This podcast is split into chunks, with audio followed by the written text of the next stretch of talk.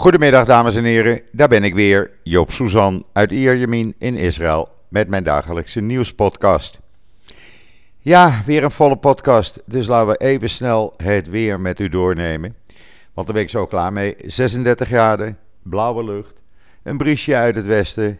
Uh, ja, en zo blijft het. Uh, de voorspelling voor de komende week ziet gewoon hetzelfde eruit. Dus eigenlijk hoef je de komende tijd niet meer naar de weersverwachting te kijken. Dat is wel zo prettig elk jaar. En dan het nieuws in Israël. Ja, gisteren natuurlijk uh, uh, het nieuws van de nieuwe president Isaac Herzog. Zoon van de vroegere president uh, Chaim Herzog.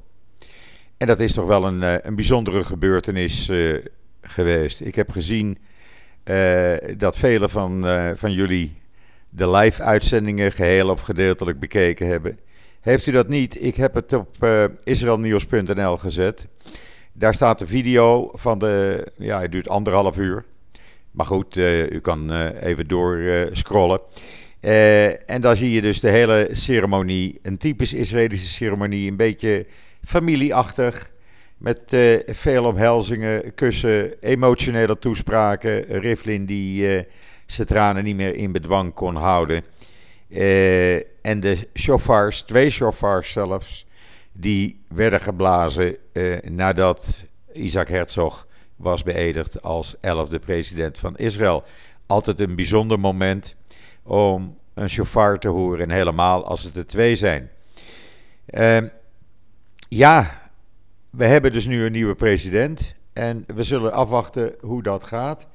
Eh, of hij het vaderfiguur wordt zoals uh, Rivlin, uh, Rivlin, dat was, dat denk ik niet.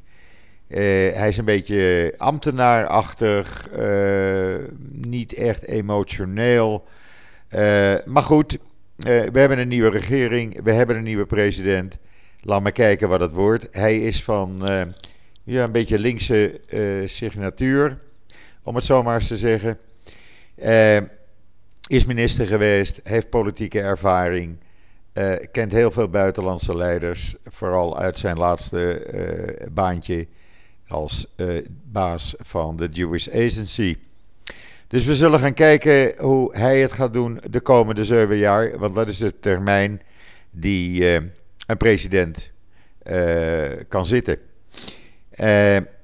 Rivlin, ja, die is nu uh, verhuisd naar een appartement wat hij heeft aangekocht in het centrum van Jeruzalem. Hij is 82 en kan nu eindelijk uh, ja, een beetje rust nemen, denk ik. Uh, tijdens zijn presidentschap is zijn vrouw overleden. Ehm, de man heeft de laatste tijd heel veel reizen gemaakt. En vergeet niet, zoals ik dat gisteren ook op Israël Nieuws zette in het artikel, hij is de enige president geweest die betrokken is bij vijf uh, uh, verschillende pogingen een regering in elkaar te zetten. Dat is ook wat. Wat opvallend was gisteren, was dat Netanyahu uh, en zijn hulpjes Zohar en Levin zichtbaar niet gingen klappen na de toespraak van Rivlin. Uh, ze stonden wel op, zoals iedereen dat deed, anders viel het te veel op. Maar klappen, nee, dat kon uh, Netanyahu niet over zijn hart verkrijgen. Trouwens, gesproken over Netanyahu. Uh, zaterdag zou hij volgens afspraak uit de residentie van de premier moeten verdwijnen.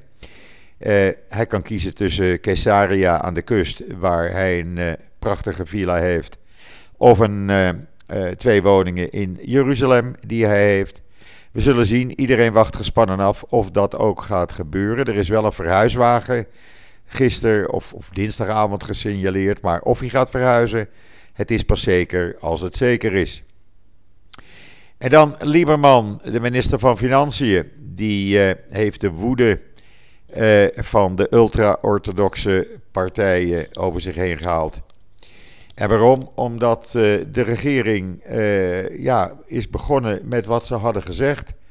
Uh, er is een enorm tekort aan mensen die.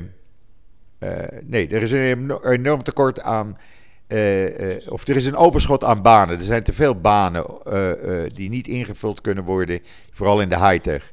En Lieberman heeft nu besloten dat vaders die fulltime in een yeshiva studeren, die moeten nu een deeltijdbaan zoeken, want die moeten minstens 24 uur per week werken of studeren in een niet-religieuze onderwijsinstelling.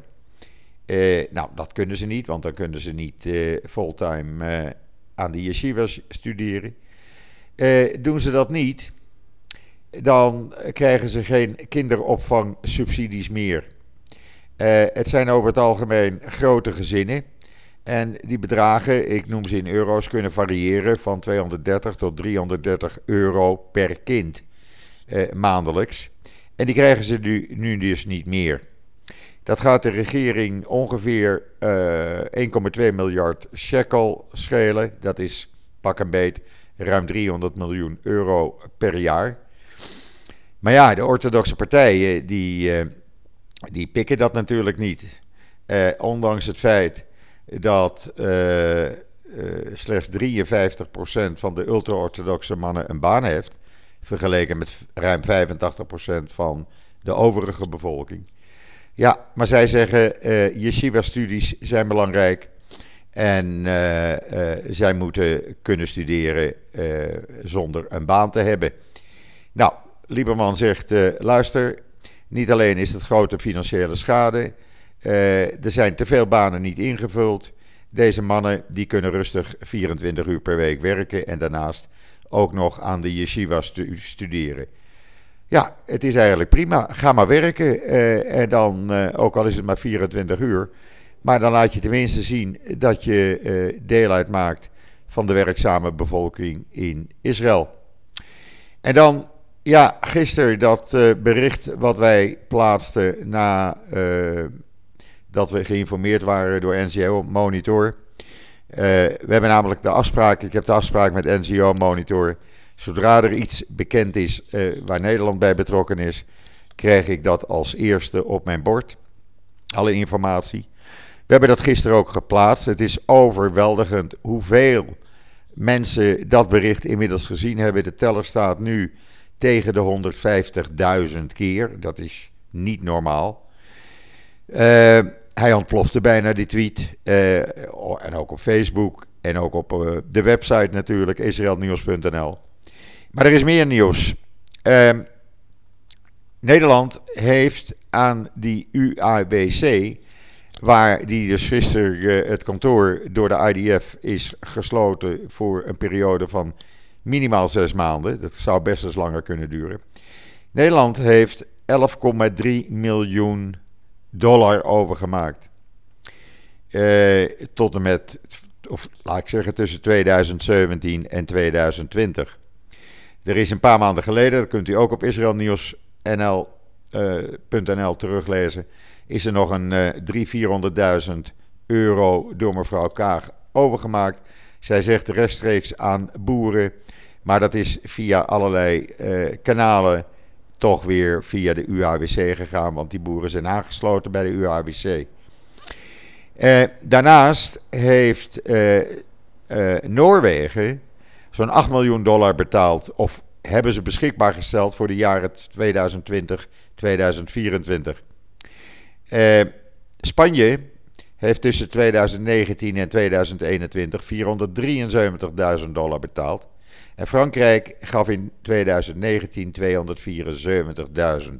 U kunt dus zien dat Nederland aan de top staat met het royaal betalen van geld, 11,3 miljoen, het is niet niks, aan deze organisatie die dus banden heeft met de PFLC. En uh, dat is een uh, terreurorganisatie die niets anders doet als Joden, CQ, Israëli's uitmoorden. Of het nou in Israël is of in het buitenland, dat maakt ze verder niets uit.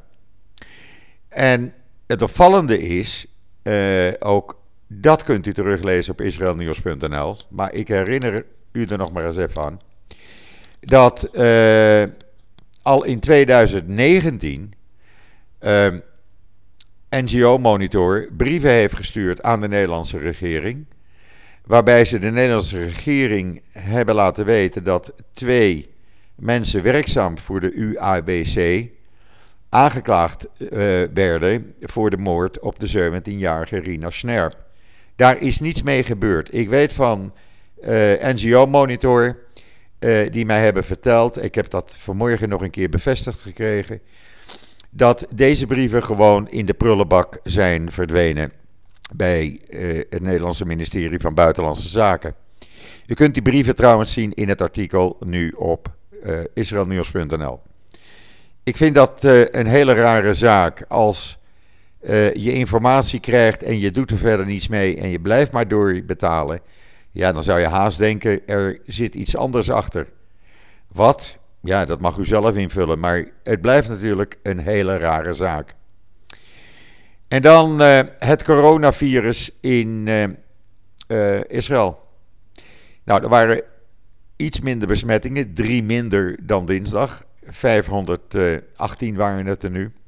Maar het aantal patiënten met corona, in een lichte vorm, de meeste, is gestegen naar 3568. Dat zijn er dus uh, ruim of ongeveer 300 uh, eh, meer dan het de dag daarvoor waren. Er liggen 78 mensen nu in het ziekenhuis, 46 ernstig, 18 kritiek en 16 van die 18 zijn aangesloten aan de beademing. Het dodental in het artikel staat op 6.429, maar zojuist een paar minuten geleden, heb ik dat ook op Twitter gezet, uh, zijn er twee mannen overleden voor het eerst in ruim twee weken. Eentje een man van 48 die niet gevaccineerd was en eentje een man van 86 die wel gevaccineerd was. Dat zijn de eerste twee doden in ruim twee weken. Uh, uit gegevens van het ministerie van Volksgezondheid blijkt trouwens dat de meeste patiënten in de ziekenhuizen ouder dan 60 jaar zijn. En de meeste besmettingen uh, uh, van mensen die in quarantaine thuis zitten, dat zijn weer jongeren. Maar, maar, daar komt die.